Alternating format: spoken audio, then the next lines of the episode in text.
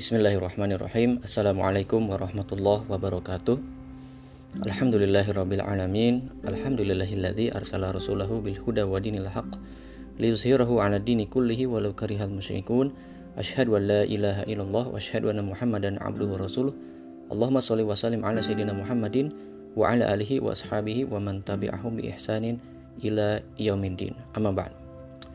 Sahabat sekalian yang dimuliakan Allah di mana pun Anda berada, masih bersama saya Reza Ageng dalam program Kuliah Dasar Islam. Kali ini di episode yang kelima kita akan membahas bagaimana kita e, meyakini kenabian Muhammad Sallallahu Alaihi Wasallam. Sahabat yang dimuliakan Allah, untuk menjawab pertanyaan ini e, kita bisa membagi e, tiga pertanyaan ini. Kita bisa membagi tiga pertanyaan ini. Yang pertama, eh, apakah kita membutuhkan terhadap nabi atau rasul? Itu yang pertama. Yang kedua, eh, apakah benar bahwa Al-Quran ini dibawa oleh Nabi Muhammad SAW? Atau dengan kata lain, apakah memang Nabi Muhammad SAW lah yang membawa atau menyampaikan Al-Quran? Dan pertanyaan yang ketiga adalah eh, bagaimana membuktikan kebenaran bahwa Nabi Muhammad SAW adalah seorang nabi dan rasul. Sahabat sekalian dimulaikan Allah Subhanahu wa taala untuk menjawab pertanyaan pertama yaitu apakah kita atau apakah manusia membutuhkan terhadap nabi dan rasul. Nah, untuk menjawab pertanyaan ini kita kembali ke pembahasan kita di pertemuan-pertemuan yang lalu. Bahwasanya ketika manusia sudah membuktikan dengan konklusi yang pasti bahwa ada Al-Khaliq, ada pencipta di balik keberadaan manusia, keberadaan alam semesta dan keberlangsungan kehidupan ini, adanya sang pencipta dan dia adalah satu-satunya sang pencipta sehingga kita dapat menyalurkan penyembahan kita kepada pencipta tersebut yaitu Allah Subhanahu wa taala. Maka tatkala kita hendak menyembah, kita hendak beragama dalam rangka untuk e, secara naluriah kita memang memenuhi e, naluri kita, naluri kebergantungan kita pada sosok yang lebih besar daripada kita, sosok yang di mana tempat kita bergantung. Dan itu tidak mungkin pada manusia atau alam semesta yang semuanya serba terbatas, tapi pasti pada yang menciptakan alam semesta, yang menciptakan manusia, yaitu Al-Khaliq Tuhan semesta alam. Maka yang jadi pertanyaan bagaimana cara menyembahnya? Ya, bagaimana cara menyembah yang benar? Karena bisa jadi kita menyembah dengan cara kita sendiri, dengan karangan kita sendiri, ternyata cara menyembah tersebut tidak diterima oleh Allah. Karena bukan itu yang disyariatkan, bukan itu yang diminta begitu. Maka dari mana kita tahu cara e, menyembah yang benar? Nah, sebetulnya di pembahasan tentang Al-Qur'an kita sudah e, menjawab e, separuh dari pertanyaan itu, yaitu adanya kitab suci. Ya. Kitab suci tersebut adalah e, adalah e, cara sang pencipta, cara Tuhan semesta alam untuk memberitahu manusia bagaimana cara menyembah Dia secara benar dan kitab suci juga adalah sesuatu yang dibutuhkan manusia untuk mengetahui cara menyembah yang benar. Nah, hanya saja kitab suci tersebut kan tidak mungkin sampai dengan sendirinya kepada manusia dan tidak mungkin dijatuhkan dari langit. Maka mesti ada yang menyampaikan kitab suci tadi. Harus ada orang yang e, memberitahu manusia, memberitahu kita ya, tentang bagaimana cara menyembah Allah yang benar, ya, dan dia menyampaikan dalam bentuk kitab suci, dalam bentuk ayat-ayat. Nah, maka dengan demikian, kalau kita membutuhkan pada kitab suci itu untuk sampai pada kita dan tidak mungkin kitab suci itu sampai pada kita melainkan dengan dibawa oleh seseorang, maka kita butuh pada orang tersebut.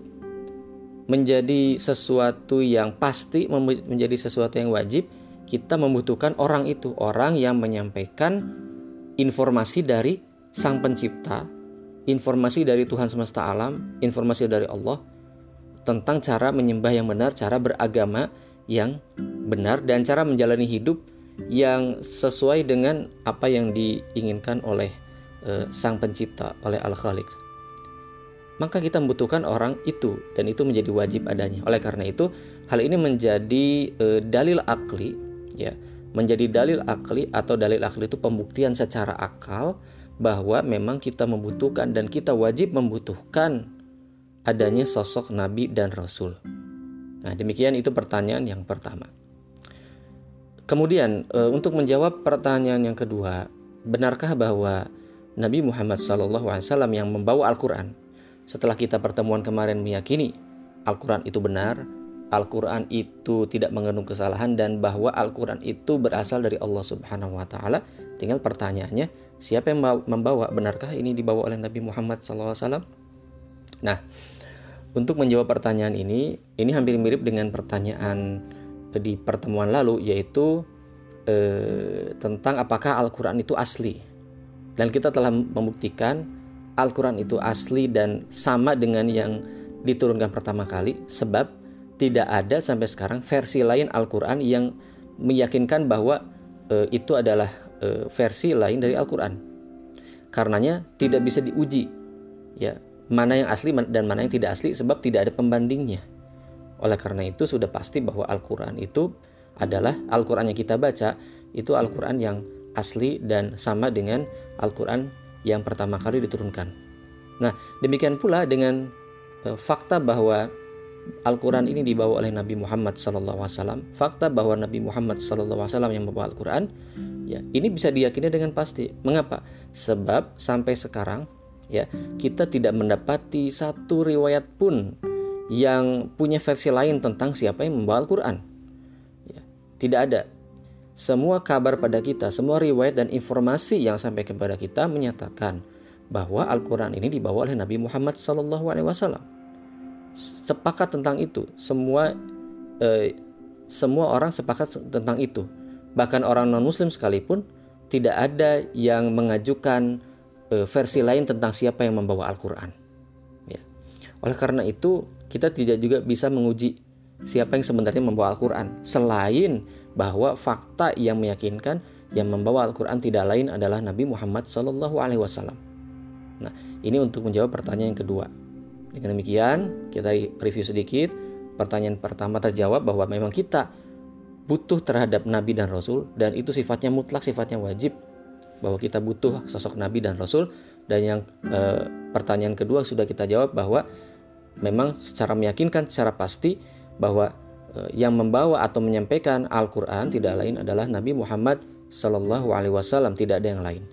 Tinggal kita masuk ke pertanyaan inti, pertanyaan yang ketiga, yaitu bagaimana membuktikan bahwa memang e, Muhammad Sallallahu Alaihi Wasallam adalah seorang nabi, seorang rasul utusan Allah. Nah, untuk menjawab pertanyaan ini ada e, dua pendekatan, ada dua pembuktian. Yang pertama dalil akli dan yang kedua dalil nakli.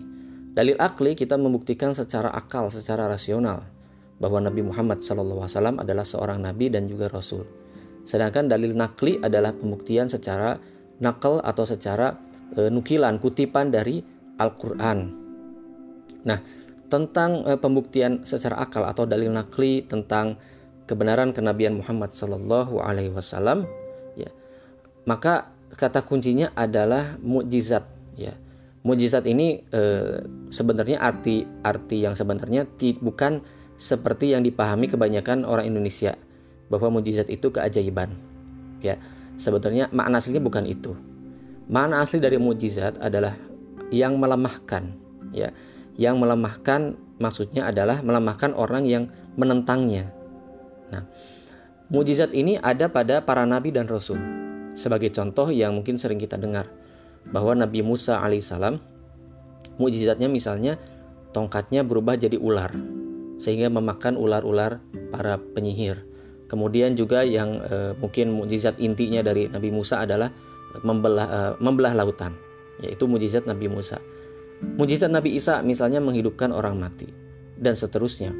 Nah, ini mujizat yang ada pada para nabi Kemudian eh, kenapa para nabi menampilkan mujizat itu atau kenapa Allah Subhanahu wa taala memberikan mujizat tersebut kepada para nabi? Tidak lain untuk membuktikan bahwa dia adalah nabi, dia adalah rasul.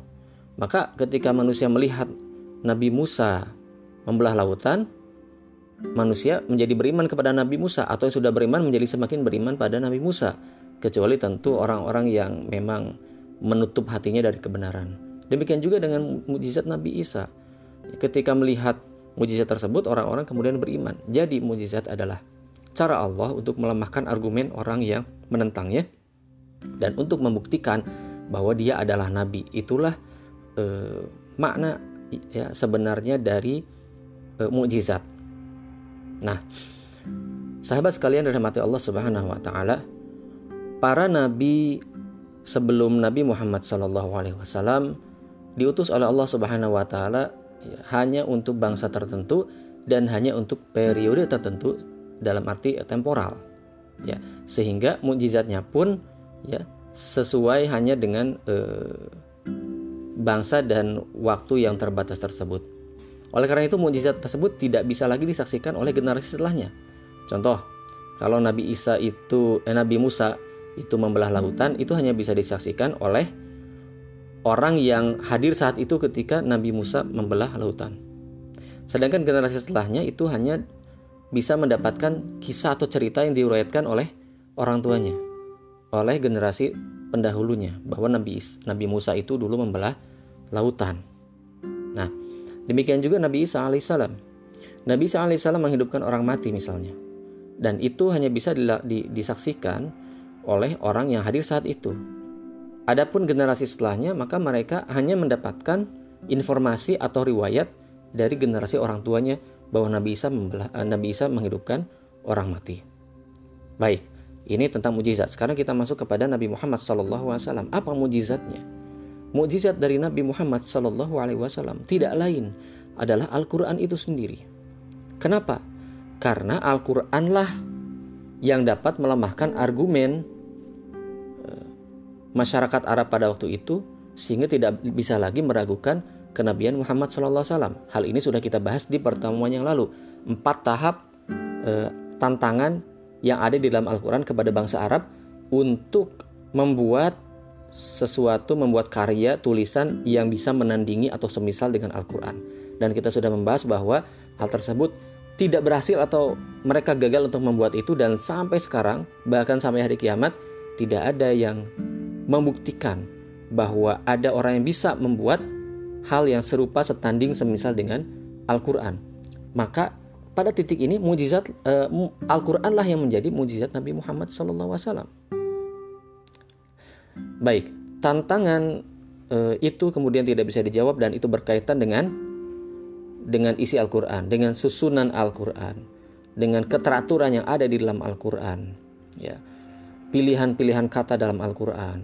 Belum lagi nanti mungkin di kesempatan lain kita bahas bagaimana e, Allah Subhanahu wa taala e, misalnya memilih sebuah kata dan itu disebutkan berapa kali dalam Al-Qur'an dan itu dengan keserasian yang luar biasa. Hal itulah yang tidak bisa ditandingi oleh bangsa Arab. Padahal mereka itu orang-orang yang fasih, orang-orang yang ahli sastra, yang biasa bersair. Tapi mereka tidak bisa menandingi eh, keindahan, irama, keteraturan, isi bahasa Al-Quran, tidak bisa menandingi. Nah, ini menjadi mukjiz, menjadi pelemah mereka. Sehingga mereka tidak bisa meragukan bahwa Al-Quran ini memang betul-betul berasal dari Allah Subhanahu wa Ta'ala yang dibawa oleh Nabi Muhammad SAW. Nah, jika Nabi Musa dengan membawa mujizatnya, maka Nabi Musa adalah eh, terbukti sebagai nabi. Dan jika Nabi Isa dengan mujizatnya, maka dengan demikian Nabi Isa alaihissalam terbukti bahwa ia nabi, maka Nabi Muhammad SAW dengan mujizatnya berupa Al-Quran, hal itu kemudian membuktikan bahwa Nabi Muhammad SAW memang adalah seorang nabi. Jadi mujizat itu menandakan yang membawanya adalah seorang nabi. Nah, itu adalah pembuktian secara akal atau dalil akli. Yang kedua, pembuktian secara nakli, pembuktian secara nukilan, yaitu kita dapatkan dari Al-Quran itu sendiri. Di pertemuan lalu kita sudah meyakini Al-Quran itu benar, maka informasinya pasti benar. Pasti berasal dari Allah Subhanahu wa taala. Ada beberapa ayat yang menyebutkan tentang Nabi Muhammad SAW. Di antaranya adalah di surat uh, Ali Imran ayat ayat 144 Uh, di situ Allah Subhanahu wa taala uh, berfirman, "A'udzubillahi minasyaitonirrajim, wa ma Muhammadun illa rasulun qad khalat min qablihi rusul." Dan tidaklah Muhammad itu kecuali seorang rasul, kecuali seorang utusan Allah di mana sebelumnya telah uh, berlalu beberapa para rasul. Ya. Ayat ini menginformasikan bahwa Muhammad SAW adalah utusan Allah Subhanahu wa taala. Dan juga misalnya kita bisa melihat di surat Al-Fat ayat 29 eh, di mana Allah Subhanahu wa taala berfirman Muhammadur Rasulullah walladzina ma'ahu asyidda 'alal kufar ruhamau bainahum. Muhammad adalah utusan Allah dan orang-orang yang bersamanya keras pada orang-orang kafir dan lembut antar sesama mereka. Nah, dan ada beberapa ayat lain. Nah, ayat-ayat ini secara jelas ya eh, menyampaikan pada kita bahkan menyebutkan nama Muhammad Wasallam dan di situ disebutkan bahwa Muhammad Wasallam adalah Rasul, adalah utusan Allah. Nah, sehingga dua dengan dua e, dua pembuktian ini menjadi fondasi kita untuk meyakini dengan pasti dengan 100% dengan keyakinan penuh bahwa Nabi Muhammad Wasallam adalah nabi dan utusan Allah yang membawa Al-Qur'an dan mana Al-Qur'an ini menjadi uh, mukjizat yang berlaku sepanjang zaman. Tidak seperti mukjizat nabi-nabi sebelumnya yang hanya berlaku temporal saja seperti yang saya sampaikan tadi. Akan tapi Al-Qur'an ini mukjizat sepanjang zaman. Karena sampai saat ini bahkan generasi kita kita sendiri dapat merasakan mukjizatnya. Sebab apa? Sebab tadi itu kita tidak mendapati ada orang yang dapat menandingi Al-Qur'an. Ya, inilah uh, bedanya mujizat Nabi Muhammad SAW dengan mujizat Nabi yang lain. Sebab Nabi Muhammad SAW diutus bukan hanya untuk generasi tertentu dan waktu tertentu, tapi Nabi Muhammad SAW diutus untuk seluruh umat manusia sampai akhir zaman. Maka mujizatnya mestilah mujizat yang berlaku sampai akhir zaman. Dengan demikian, mujizat Al-Quran yang menjadi bukti dari kenabian Muhammad SAW itu berlaku sampai akhir zaman. Sahabat yang dirahmati Allah Subhanahu wa taala, semoga pembahasan ini semakin menguatkan keyakinan kita tentang kenapa kita mengimani, meyakini kenabian Nabi Muhammad SAW. Semoga bermanfaat. Wallahu a'lam bishawab. Ala Wassalamualaikum warahmatullahi wabarakatuh.